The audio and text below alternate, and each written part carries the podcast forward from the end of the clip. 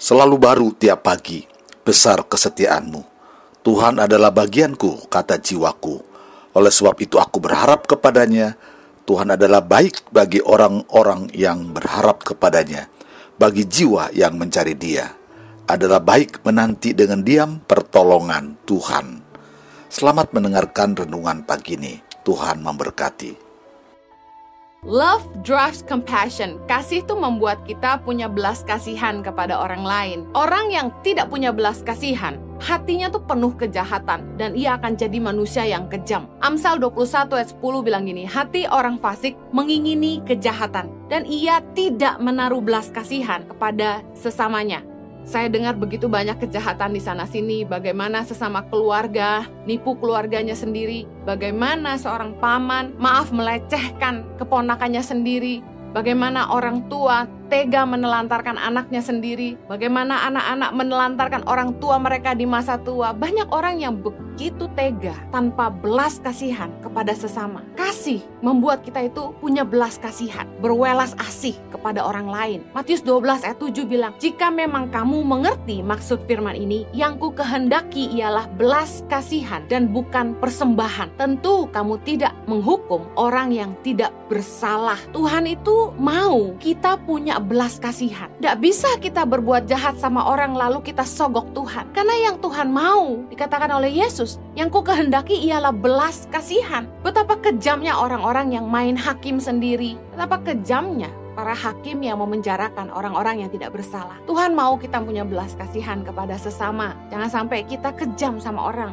Sekalipun orang itu salah sama kita kita tidak sepatutnya berbuat kejam kepada mereka. Saya renungkan, Tuhan apa sih belas kasihan? Tuhan kasih pengertian gini, belas kasihan adalah kemampuan seseorang mengasihi dan melihat nilai dalam diri orang lain. Ketika kita punya belas kasihan, kita bisa melihat bahwa orang lain hidupnya tuh sangat bernilai. Hidup mereka sendiri berharga. Orang punya nilai dalam hidupnya. Contoh, ketika kita melihat orang miskin, orang lemah dianiaya, hak orang lemah dirampas. Orang yang punya belas kasihan akan berpikir begini, tidak seharusnya mereka diperlakukan seperti itu. Kenapa kita bisa berpikir begitu? Karena kita bisa melihat nilai dalam hidup mereka, meskipun mereka miskin secara keuangan. Kita bisa melihat nilai dalam diri orang, meskipun dia orang kiat biasa. Orang-orang yang bisa menindas orang lain, merampas hak orang lain, sama sekali tidak punya belas kasihan karena mereka tidak lihat manusia itu berharga. Makanya tidak heran orang itu bisa terjadi pembunuhan, nyawa orang seolah-olah nggak ada harganya. Amsal 14 ayat 21 bilang gini, siapa menghina sesamanya berbuat dosa, tetapi berbahagialah orang yang menaruh belas kasihan kepada orang yang menderita. Saya percaya bahwa belas kasihan itu bukan hanya salah satu karunia. Kalau karunia kan gini, ada yang punya, ada yang tidak gitu. Belas kasihan bukan hanya salah satu karunia. Belas kasihan adalah sifat Tuhan, bagian dari kasih Tuhan di dalam hidup kita. Belas kasihan Tuhanlah yang membuat ia mengasihi kita meskipun kita orang berdosa. Kalau orang punya belas kasihan, mereka nggak akan menghakimi orang sembarangan dan mereka juga tidak akan berbuat kejam kepada sesamanya. Kita tidak akan tega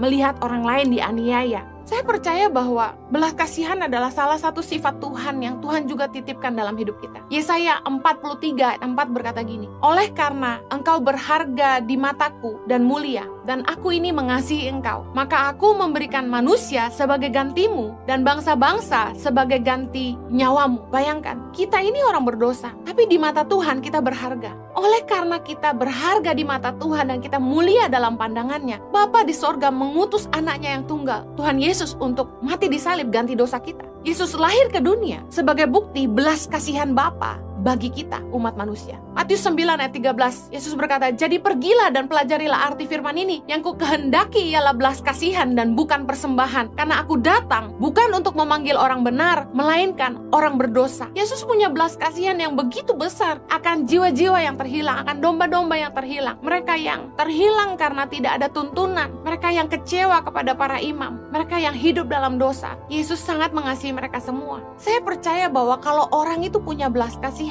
mereka tidak akan menghakimi orang, sekalipun orang itu berdosa. Harusnya kita sebagai umat Tuhan, harusnya kita orang percaya, apalagi pelayan Tuhan, kita punya hatinya Tuhan, belas kasihan buat jiwa-jiwa. Kita rindu supaya setiap mereka boleh mengenal Kristus sebagai Tuhan. Dan jika kita ketemu dengan orang-orang yang mungkin pernah menyakiti kita sekalipun, mereka mungkin mengecewakan hidup kita, kita tidak bisa membenci mereka karena kita punya belas kasihan. Kita akan terus mendoakan mereka supaya jiwa mereka diselamatkan.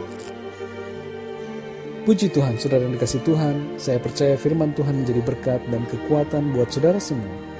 Dan roh kudus akan memberikan pemahaman yang lebih dalam tentang kebenaran firman Tuhan.